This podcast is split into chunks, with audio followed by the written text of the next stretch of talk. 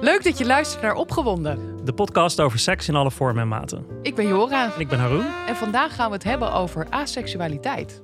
Ja, wat weet jij daar eigenlijk van, Jora? Ehm, ja, ik moet heel eerlijk zeggen, gewoon heel weinig. Ik weet er heel weinig van. Gelukkig hebben we trouwens wel een gast die er heel veel over weet. Rosanne, die eh, daar ervaring mee heeft. Ja. Nee, maar ik moet zeggen, ik, ik, ehm, ja, ik, ik, ik weet er gewoon eigenlijk bijna niks van. Wat weet jij ervan? Nou, ik heb er toevallig een paar jaar geleden eh, een stuk over geschreven. Dus toen heb ik een aantal mensen gesproken die aseksueel zijn.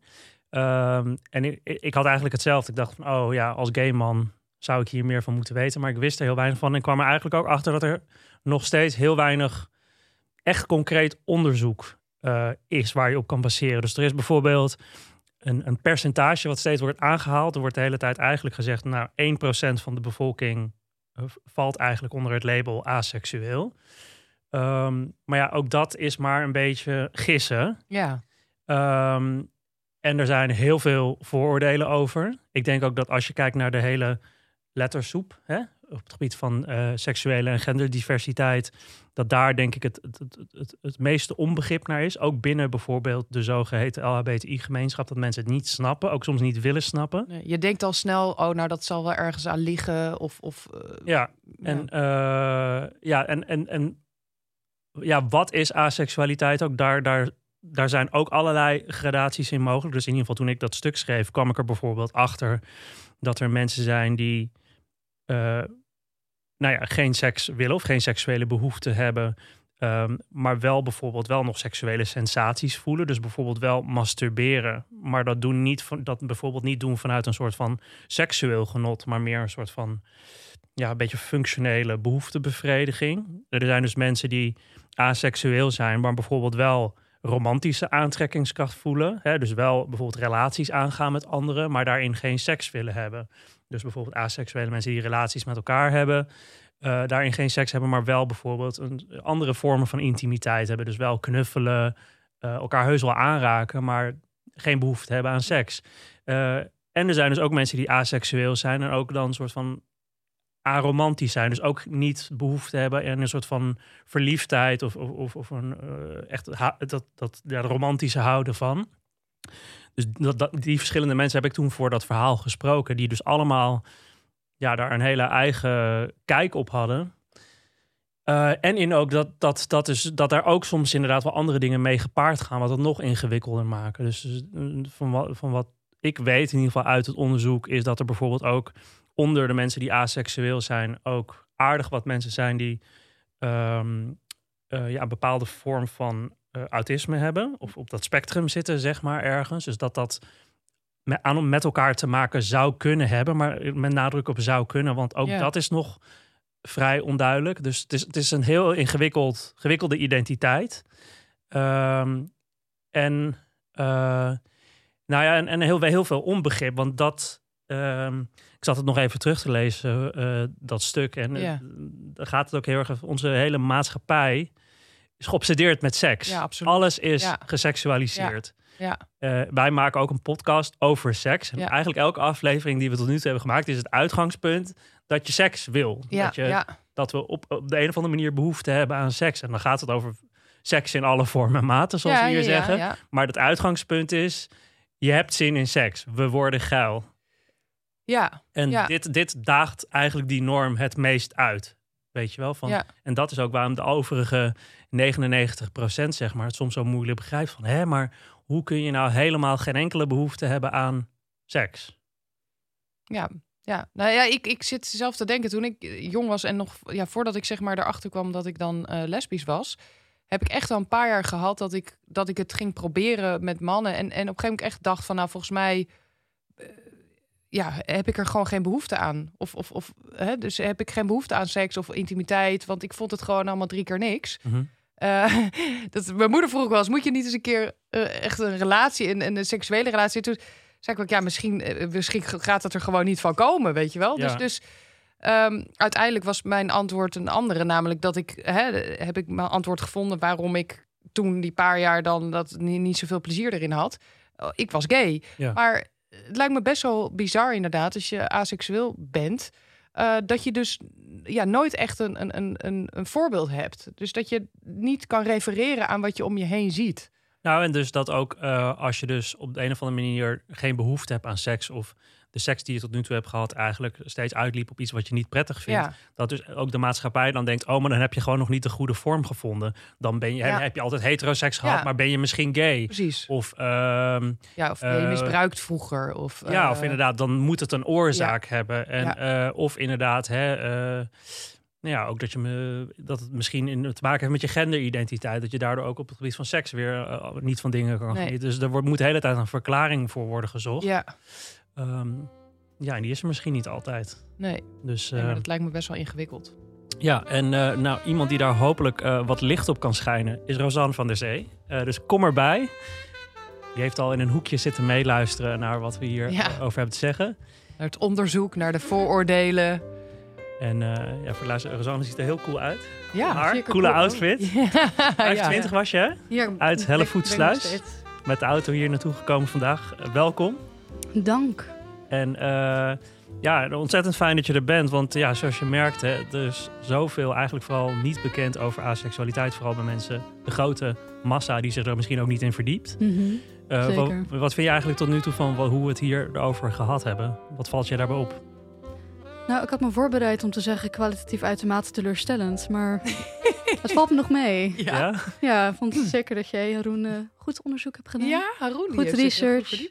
Maar dat is dus eigenlijk ook bij toeval, omdat ik er dus een verhaal over ging Ja. schrijven. Als ik dat niet had gedaan, had ik dit allemaal, Nee. had ik die gradaties niet eens geweten. Nee. Is dat ook wat jij op wat jou merkt in je eigen omgeving als je het over hebt? Ehm, ja, zeker. Maar ik merk het ook bij mezelf. Omdat ik het zelf wist ik er ook heel weinig over. En dacht ik echt, waar heb ik mee te maken? Ben Mhm. ik een alien? Wat is dit? En het is zeker omdat er zo weinig over wordt gesproken. En ik gewoon niet wist wat ik met mezelf aan moest. Eh, was het ook echt iets om me voor te schamen. Want zoals al eerder werd gezegd, het is iets wat hoort in de maatschappij bijna. Seks zelfs, zeggen we ook Ja. altijd. En heel veel dingen in de maatschappij zijn gebaseerd op die soort oerdrift die we allemaal bijna op een Freudiaanse manier horen te ervaren. En als het dan niet zo is, dan is dat opeens raar en Ja. vreemd. Ja, want, wel- want hoe, hoe kwam jij erachter dat je aseksueel was? Ehm, Bent. Was bent. Ja, daar gaan we het zo Gecompliceerd. over Ja. hebben. Ja. Laten we beginnen met was. Ehm, Ja, het was. Ja. Ehm, nou, toen ik... Voor mij was het een heel gecompliceer, gecompli- eh, gecompliceerde route. Ehm, want ik heb dus inderdaad te maken gehad met misbruik. En toen was ik 12. Dus dat is ook wel echt een leeftijd. ehm, hormoontjes beginnen een beetje. Ik was heel vroeg ontwikkeld. En ik schaamde me heel erg voor mijn lichaam. Want ik was de grootste borsten van iedereen. Dat zie je nu niet meer. Maar toen wel. En ik gaf mezelf heel erg de schuld. Dus daardoor werd ik heel erg bang om me ook op die manier uit te drukken. Omdat ik het gevoel had dat ik het had aangesticht. En ik het had opgewekt bij iemand anders. En dus toen dacht ik eigenlijk dat daardoor kwam dat ik die behoefte niet had. Zeker naarmate ik ouder word. Ik bedoel, als je 12, 13, 14, dan is dat normaal. Maar toen ik ouder werd, kwam nog steeds niet. Zelfs had ik dan een relatie met iemand. Telkens op het moment eh, bij seksuele interactie kwam er die spanning. En toen dacht ik, oké, maar dat is logisch. Want ik heb die ervaring gehad. Dus dat komt vanzelf. Dat komt goed. Maar ik merkte ook aan mezelf dat ik niet opgewonden werd. Als ik naar lichamen kijk, kan ik wel een, iets een mooi lichaam vinden. Of kan ik iets wel eh, waarderen. Maar het wint mij niet op. Porno kijken wint mij niet op. Dan denk ik, ja, het gaat erin, het gaat eruit. Prima, leuk. Maar het doet niet zoveel met me. En dat is nooit zo geweest En eigenlijk. dat is nooit, dat is nog steeds niet zo. En ik snapte maar niet hoe het kwam. En op een gegeven moment kwam ik er ook achter, als ik dan met iemand seksuele interactie had, dat het ook gewoon niks met me deed. Dat ik, dat ik er ook niet bang van werd, maar dat ik er eigenlijk gewoon een beetje aanwezig was.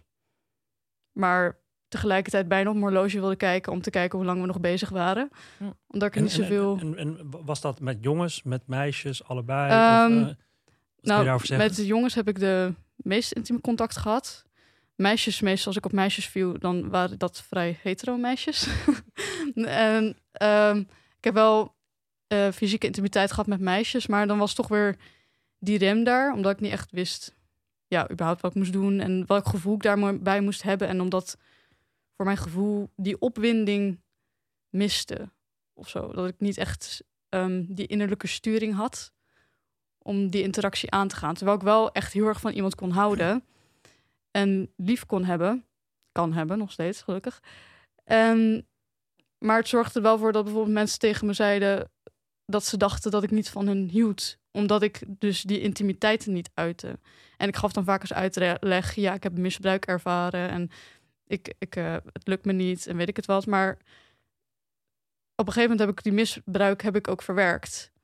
En zeker toen ik erachter kwam, ik vind het niet spannend, ik vind het niet eng en ik voel me fijn bij die persoon en ik ervaarde het nog steeds niet.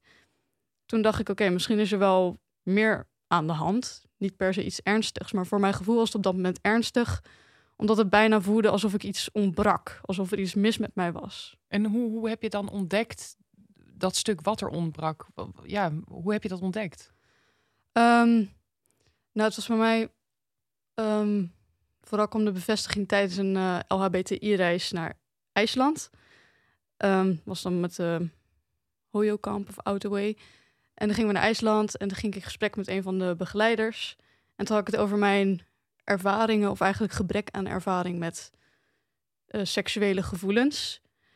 En toen had ik het ook over mijn misbruikverleden. Ik nou niet wist of het daar vandaan kwam. Of dat het dan iets is in mij wat anders is dan gemiddeld. En ook omdat ik autisme heb. Wat inderdaad ook vaak erbij voorkomt. Oh ja, interessant. Ja. dat ik niet wist, hoe, hoe komt het nou? En ik, ik dacht, ik zat zo erg te zoeken naar een reden inderdaad. En wat is nou de afwijking? En kan ik er iets aan doen? En toen zei ze eigenlijk, het maakt niet uit. Het maakt niet uit of er een reden is. Of dat, of dat er geen reden is of wel. Of, en het, het maakt niet uit um, of je het nou wel of geen asexualiteit noemt. Maar het is wat jij nu ervaart. En het is wat jij nu je wel of niet fijn bij voelt. En dat is het enige eigenlijk wat telt. Dus ja, je kan het nu asexualiteit noemen, want dat is wat jij nu ervaart. En dat is belangrijk, want dan gaat het eigenlijk om dat je niet over je eigen grenzen heen gaat. En dat je naar je eigen lichaam luistert en naar jezelf luistert. En toen dacht ik eigenlijk, het is niet erg om asexualiteit te ervaren, want het kan duizenden redenen hebben of gewoon iets zijn, omdat je misschien een gebrek aan libido hebt, dus ook weer concreet iets, of door autisme of door misbruikverleden, maar het maakt niet uit, omdat de ervaring is er en de ervaring is uiteindelijk wat telt. Maar merk je ook niet dat, want je had het inderdaad over de, de redenen doen er eigenlijk niet toe. Mhm. Ehm, heb je ook het idee dat dat vooral uit de omgeving komt? Ik merk ook dat als ik dan nu zit te luisteren, toch als leek, dat ik dan toch in mijn hoofd zit te zoeken naar, ja, maar zou het dus toch daarmee kunnen te maken? Heeft het met, dat, met die misbruikervaring te maken? Mhm. Ik merk dat in mijn hoofd dat ik dan toch de hele tijd zoek naar verklaringen. Is dat, is dat iets wat vooral in je omgeving gebeurt, of heb je dat zelf ook gehad? Ehm, ja, ik heb dat zelf heel erg gehad. Ja. Ik was heel erg op zoek naar, oh, maar dat komt hierdoor en dan kan ik het zo fixen en dan kan ik dit doen. En dan, alsof het iets is wat gerepareerd moet worden. Ja, wat op te lossen. ja. Überhaupt. Hm. Maar eigenlijk had ik er helemaal geen last van. En vond ik het eigenlijk wel prima uiteindelijk. Zeker toen ik het ging accepteren en ik dacht, oké, dit hoort bij me. En vond ik het eigenlijk wel fijn. Want het gaf me duidelijkheid. Zeker toen ik voor mezelf bedacht, weet je wat de reden ook is? Of misschien geen reden is, of dit is gewoon iets wat bij me hoort. Het is er en het mag er zijn, ongeacht een oorzaak. Ja.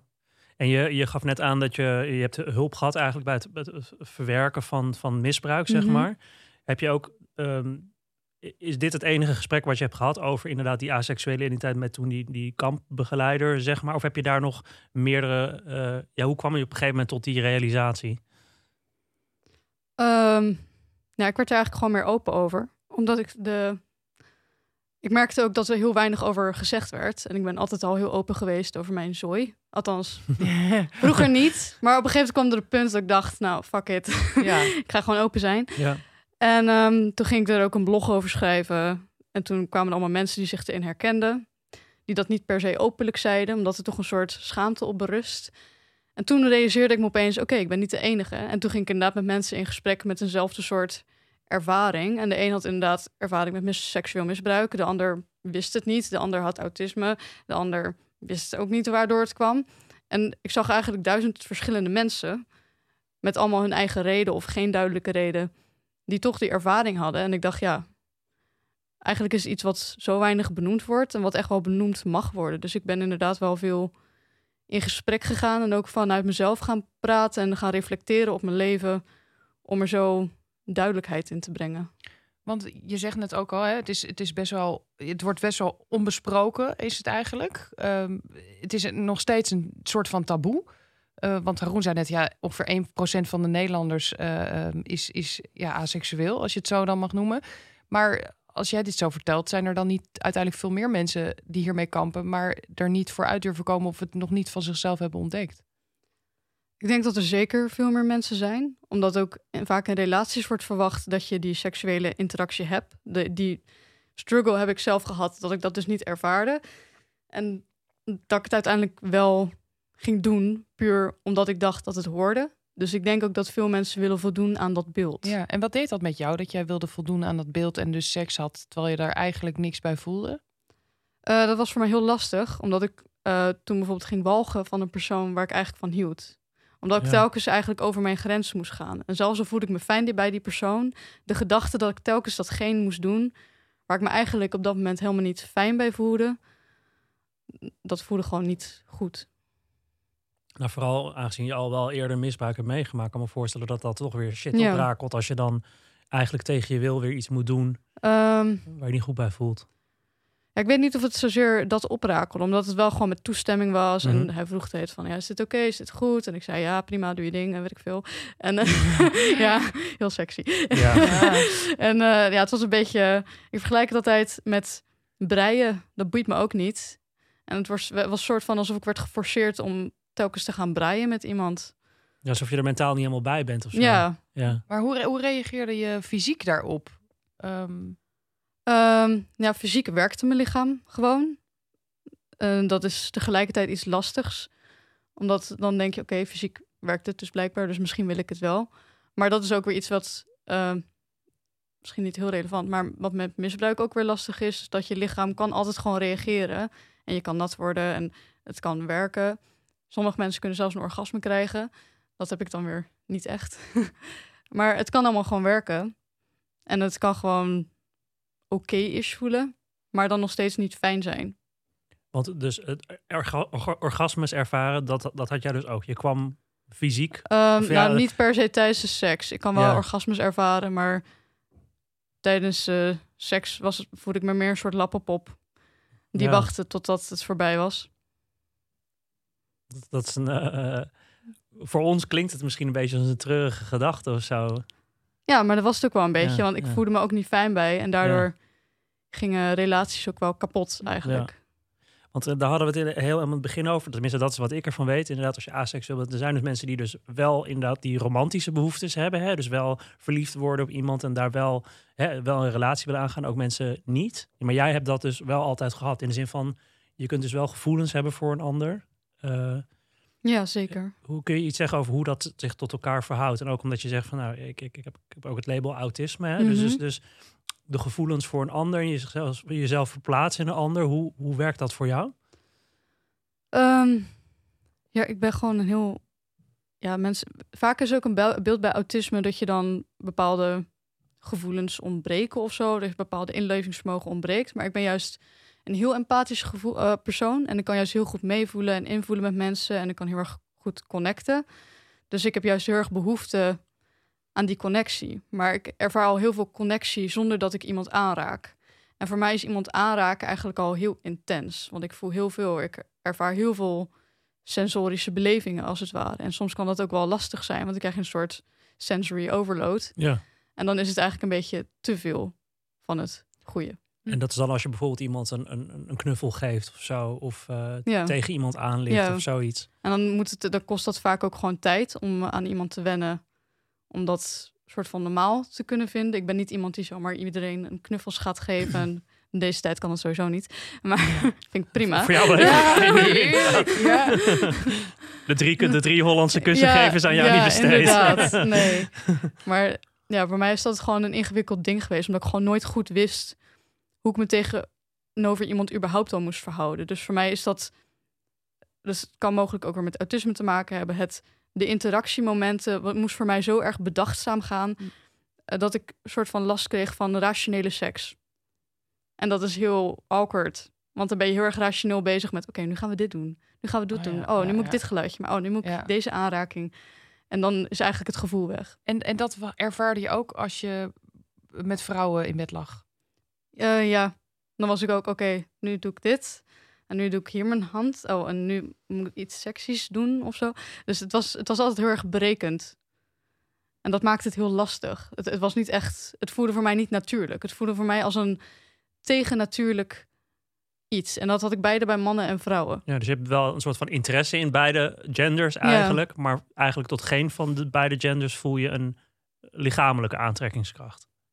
Als ik het zo, Ja, of als ik het zeg het zo goed. Klopt. Het, is, het maakt me ook niet uit of iemand een piemel of een VJJ of eh borst of geen borst of wat dan ook. Ja. Het vind ik allemaal, ja, het doet me niet zoveel. Mhm. Ik kan, ja, ik kan een lichaam dus wel mooi vinden, maar het, het maakt me niet per se opgewonden.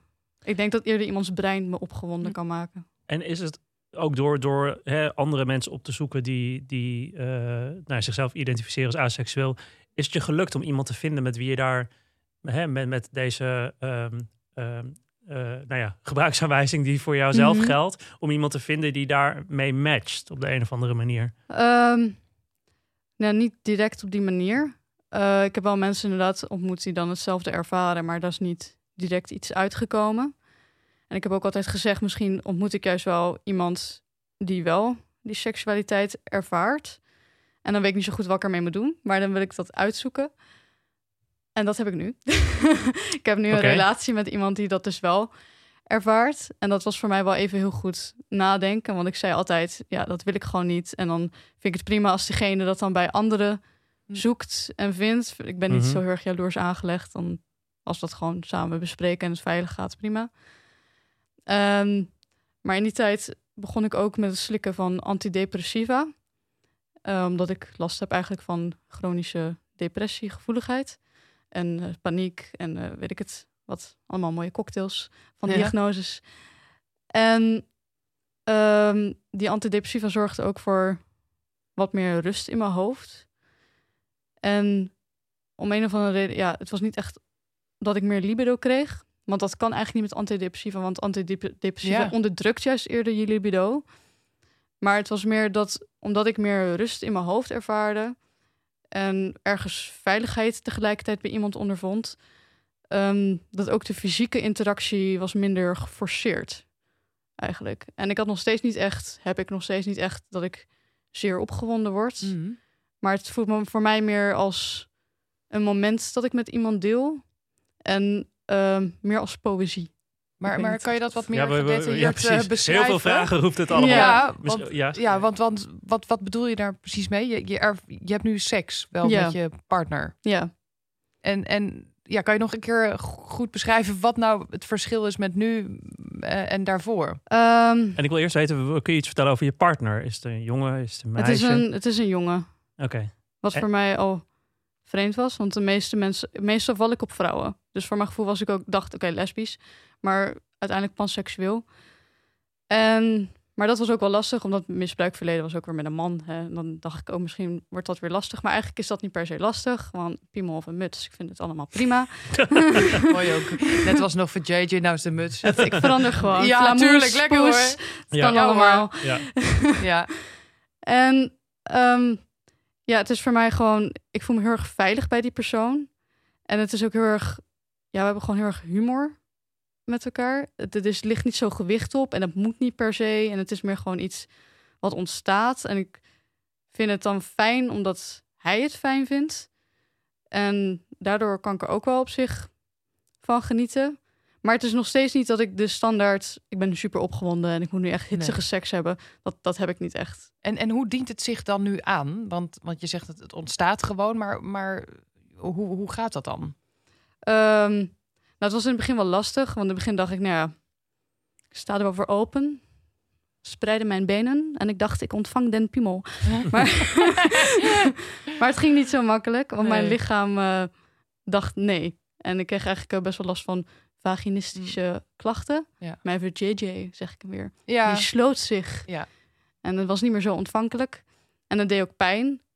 Dus toen was het meer, werd het opeens een fysiek ding. Toen was Ja. ik opeens mijn mindset, dacht, nou oké, we gaan het eh, proberen. En ik voel me veilig bij deze persoon en het is oké. En ik, ik, ehm, ik ben misschien niet heel erg hitsig, maar ik vind het wel, het is niet meer als breien. Het is meer als iets wat ik ook wel leuk vind.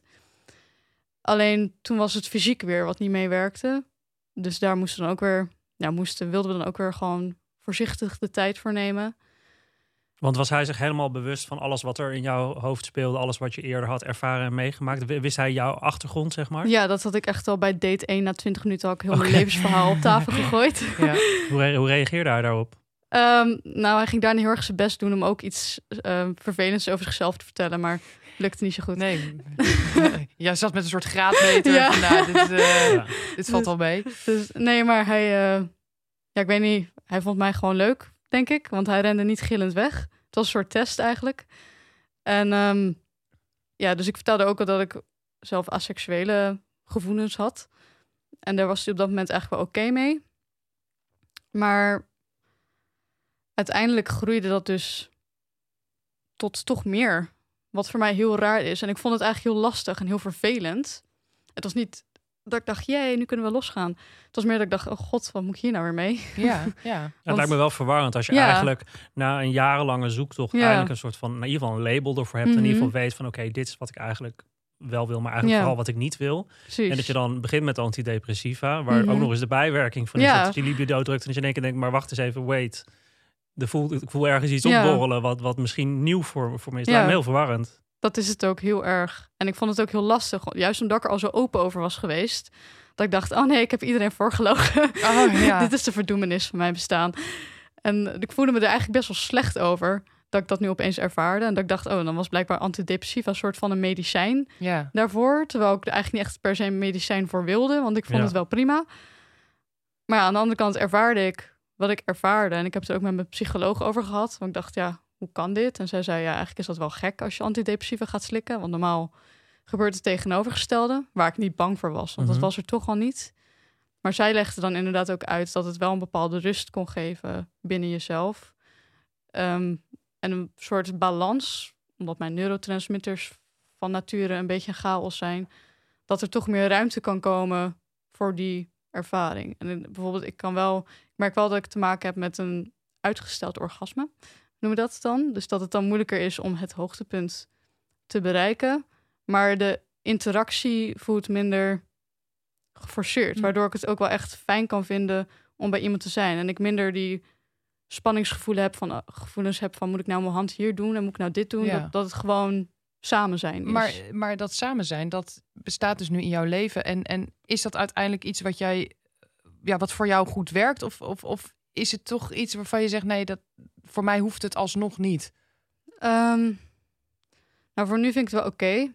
Wat ik wel een lastige gedachtegang nog vind, is dat nu zie ik de persoon één keer per week. En hebben we dan één keer per week misschien die intieme interactie. Maar pas vroeg iemand ook al van ja, maar wat als jullie samen willen gaan wonen? En toen dacht ik, oh ja. En dat weet ik niet hoe ik dat. Ik ben niet. Ik hoef niet elke dag Henkie Panky eh, te hebben. Nee, Nee, maar, maar dat niemand niet. Nee, ik Nee. uh, Arun en ik zitten ook even nou niet, jongens. Eh, ja, precies. Ook eh, inderdaad. eh, in Oké, onze maar- relatie denk je ook soms even een week, nou nee. Nee, en ik vind één keer per week, eh, ik zou er een moord voor doen. Ja, Nee. dat is weer een ander verhaal. nee, maar, nee, maar ik, ik snap wat je zegt. Maar eigenlijk, ehm jouw, jouw, jouw vriend ehm, snapt jouw verhaal. Ja. Je zou natuurlijk kunnen afspreken, als we gaan samenwonen, dan, dan Ja. wordt het niet, niet, dit gedeelte Ja. niet vaker. Ja, Eén keer per week en that's it. nee, daar zou ik sowieso wel duidelijk in zijn. Want anders ga ik weer echt. Ben ik weer bang dat die persoon me tegen gaat staan. Puur Ja. omdat Nou inderdaad, want dan ga je toch weer over een grens moet. heen. Ja. En- ja. Maar, maar het klinkt wel nu alsof het soort van eh, een soort van cadeautje is wat je aan hem geeft. Weet je wel, je vindt het fijn Mhm. om het aan hem te geven. Je vindt het Mhm. fijn om voor, voor hem te doen. ja. Maar het is nog steeds niet iets. Het is nog steeds geen cadeautje voor jezelf, zeg maar. Ehm, Zo klinkt het in ieder geval. ja, ik begrijp dat het zo klinkt. Ehm, misschien gedeeltelijk is het ook wel echt iets wat ik voor hem doe. Dat was ook wel de reden waarom ik dacht, nou, ik wil het proberen. Omdat ik dat fijn vind voor hem.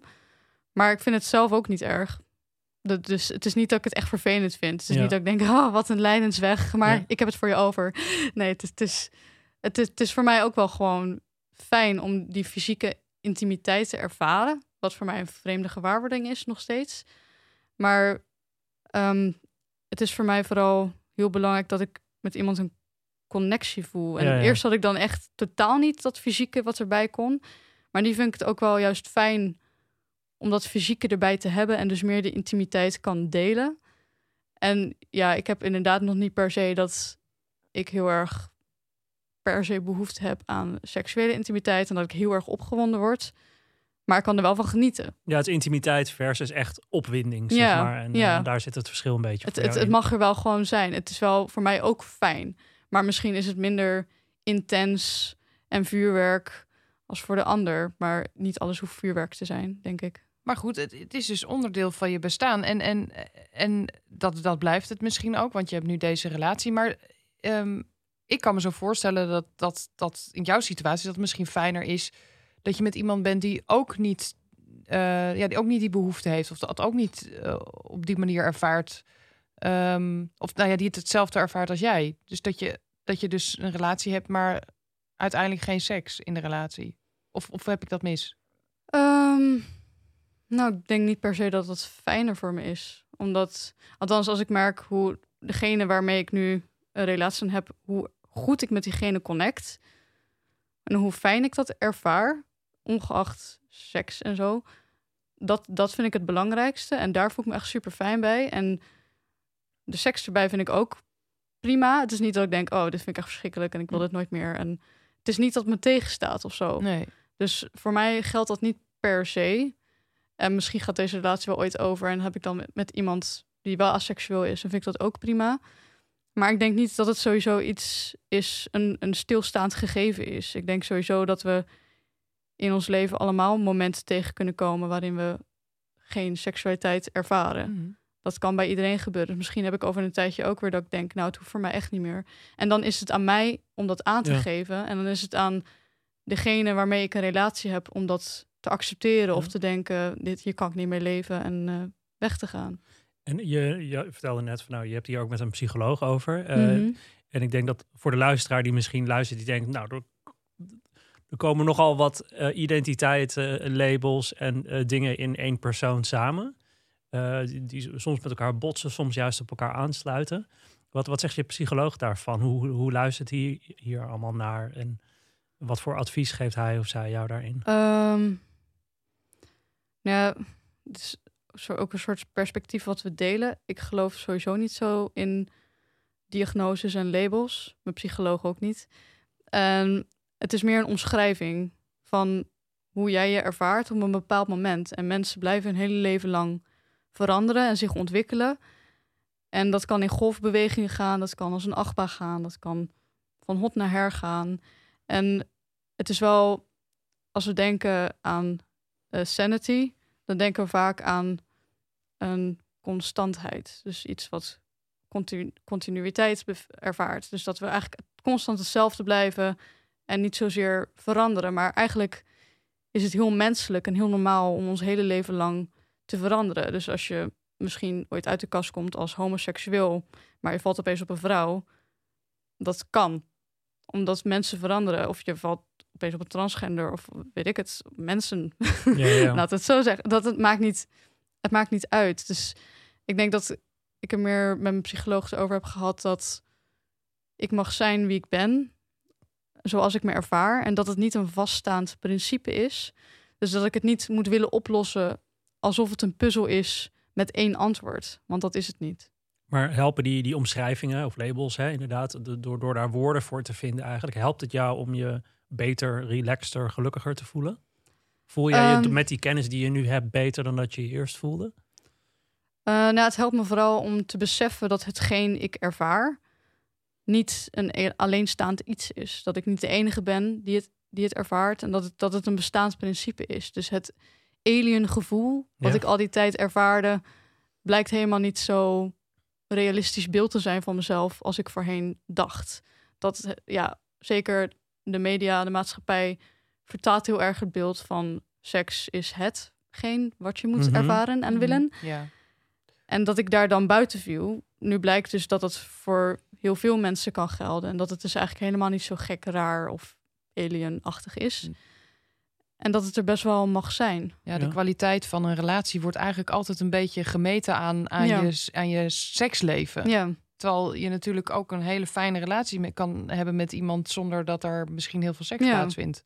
ja precies. Ja, net zoals dat bijvoorbeeld gewoon stellen die eh, hè, dus niet asexueel zijn, maar heel lang bij elkaar zijn. Op een gegeven moment misschien geen seks meer met elkaar hebben, Ja. maar een soort van ja, companionship hebben, wel een soort van Ja. intimiteit hebben, wel van knuffelen houden, voor elkaar door het vuur gaan, weet je wel. Maar inderdaad, dat dat niet meer de, Ja. de prioriteit is in die relatie, maar dat het nog steeds een hele volwaardige relatie is. Ja, en ik denk ook dat het heel belangrijk is om te beseffen dat het ervaren van seksuele opwending, opwinding eh, niets meer is dan een stofje in ons lichaam wat wordt aangewakkerd. Mhm. En dat kan minder worden met de jaren. En bij de ene persoon wordt dat meer aangemaakt dan bij de ander. En dat maakt iemand niet minder mens als dat iets minder wordt aangemaakt. Het, het is maar een, een stofje in je lichaam, een chemische reactie.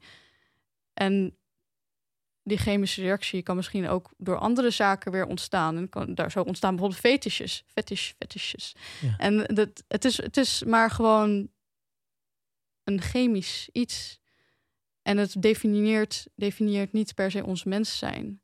Wat we vaak bijna wel zo voelen en verwoorden. Inderdaad, ik ben ook wel, omdat ik open over ben, ben ik letterlijk gek genoemd en gestoord en eh, Door wie ziek dan? in mijn hoofd. Mensen online, die zijn Oh ja, zeer ongeremd. Oh, Ja, goed, eh, Dus eh, noem je al heel snel gek. niet in mijn eh, omgeving nee. gelukkig hoor, die zijn prima. Maar dat ik ook een goede neukbeurt moet krijgen, et cetera. En dat, Oh dat ik dan wel dat is de anders piep. oplossing van alles. Ja, precies.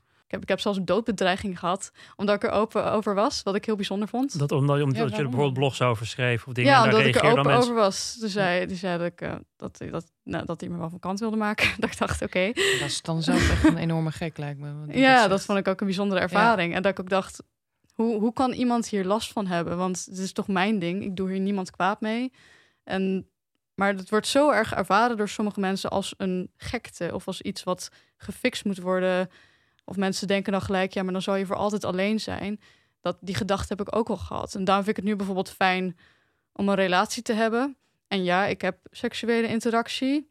En oké, dat is misschien niet voor mij hoe de standaard mensen het ervaart. Maar het is voor mij wel op een manier die bij mij past. En zoals ik het fijn vind. En het is aan mij om duidelijk mijn grenzen aan te geven. En daar ook duidelijk in te blijven. En wanneer ik het niet meer fijn vind, moet ik er ook duidelijk in zijn. Ja, Ja. En, en zou je kinderen willen? dat weet ik niet. Dat vind ik een lastige vraag. En dat is niet zo. Ja, ik vind het. Oké, laat ik eerst zeggen, ik heb een fobie voor levende dingen in mijn lichaam. En daar horen ook baby's bij. Oké. Ja. dus dat is een lastig ding. Ehm, maar ik vind ook de wereld zoals ze nu is, vind ik een beetje lastig om daar nu een kind in groot te brengen. Nou, Dat gevoel herken ik wel, ja. Dus ik zou, ik zou niet weten of ik dat direct zou willen. Dus eh, dat, dat weet ik. Ik kan er geen antwoord op geven. Ik zou niet direct nee zeggen. Vroeger zou ik wel direct nee zeggen, maar nu weet ik niet. Ik wacht tot mijn eierstokken nog beginnen te tikken. ja. maar ja, Ehm, wie weet is dat dan dus niet zo? Dat wie kan. weet is dat niet zo. Had ik ook niet trouwens, maar goed. Ja.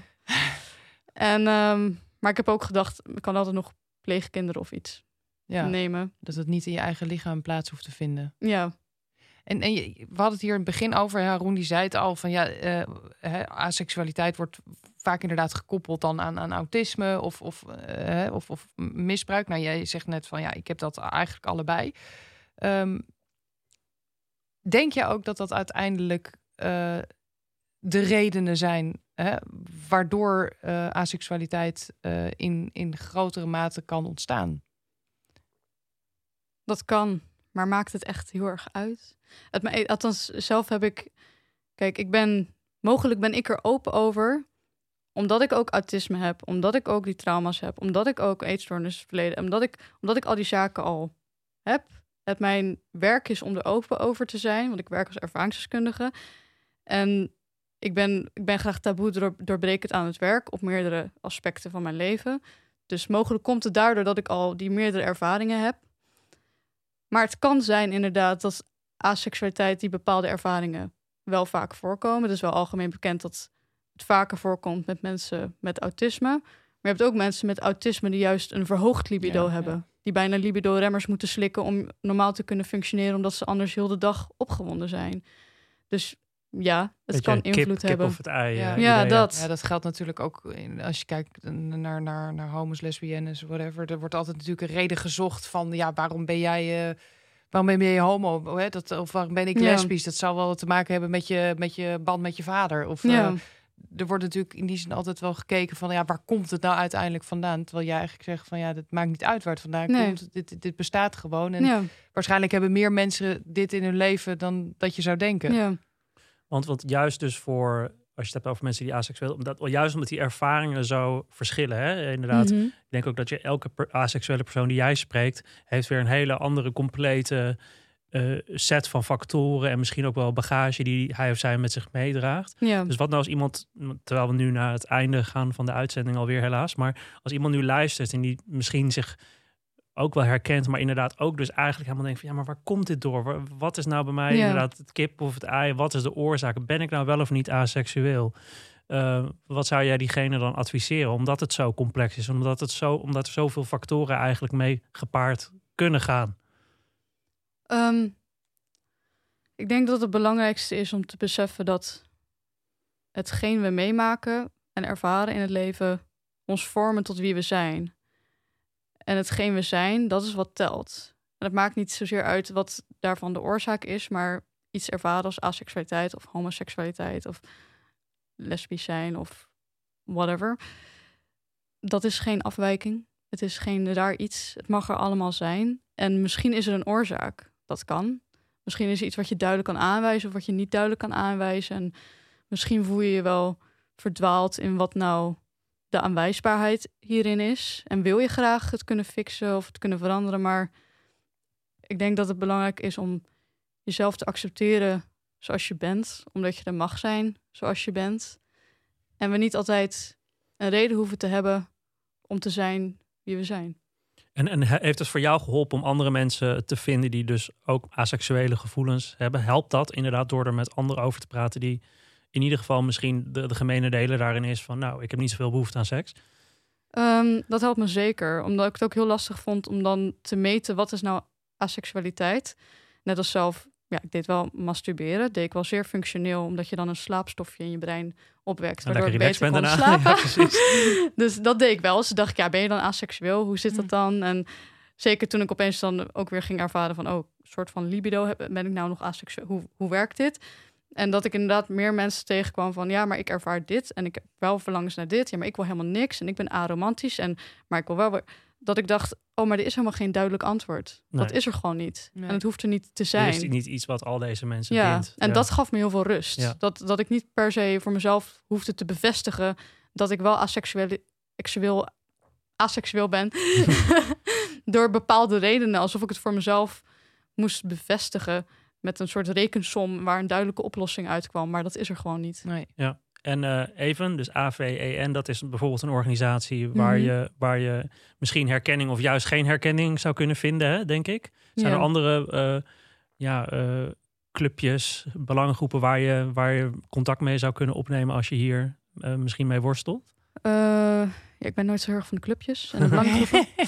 ik, doe, ik, wil, ik wil altijd gewoon met zoveel mogelijk mensen in contact zijn. Ja, Maar wat, wat ik wel zelf heel fijn vond, was dus Outway. En eh, dat, dus mijn Hojo-kampervaring ook. Dat was toen ik jong was, eh homo-jongerenkamp. En daar heb ik echt heel veel geleerd. Want dan kom je echt met heel veel soorten, ik weet niet, moet- mensen Ja. in aanraking met allemaal hun eigen ervaringen. En ik heb daar zoveel geleerd. En zoveel geleerd over wat ik kan ervaren en wie je mag zijn. En dat het allemaal oké is. Het is echt een soort bubbel waar je in terecht kwam. En ook de Outway vakanties. Ja, dat was voor mij echt fijn. Zeker omdat het niet een bubbel was van één ding, maar juist van zoveel diverse zaken. Ja, ja, want je, hoe, hoe, hoe, Ja. hoe vaker je met mensen praat die misschien iets anders ervaren, hoe beter jij ook weet van nou, dit wil ik bijvoorbeeld niet. Ja, precies. Maar in ieder geval, dat is dan de afsluitende boodschap. Praat erover. ja, dat inderdaad, vooral. zeker. Razan, ontzettend dank Ja. voor je komst. Ehm, ik denk dat wij heel veel geleerd hebben en eh, eh, ja, erg aandachtig naar je hebben zitten Ja. luisteren. Dus dank dat je hier zo open over bent. Hopen dat iemand die hier luistert eh, ook misschien eh, iets aan heeft. Ja, Dus dank, Rosanne. Ehm, eh, nou ja, dit was de, de aflevering. Eh, opgewonden wordt zoals altijd mede mogelijk gemaakt door Dag en Nacht Media. ja, en wil je nou meer van ons horen? eh, ga dan nog even naar Vriend van de Show. .nl slash opgewonden. Daar eh, zetten we clips op die de uitzending misschien niet halen, maar wel heel veel eh, verdieping geven. Interessant zijn om te luisteren. En met een kleine donatie eh, kun je dat en luisteren en steun je ons ook om de podcast verder te maken. Ja, en een review schrijven heeft Review. ook altijd zin. Al, helpt altijd. Dus op alle podcast apps laat een review achter over hoe leuk je opgewonden vindt. Of wat er misschien beter kan. Ehm, dus dank voor het luisteren. Ja, en tot de volgende keer.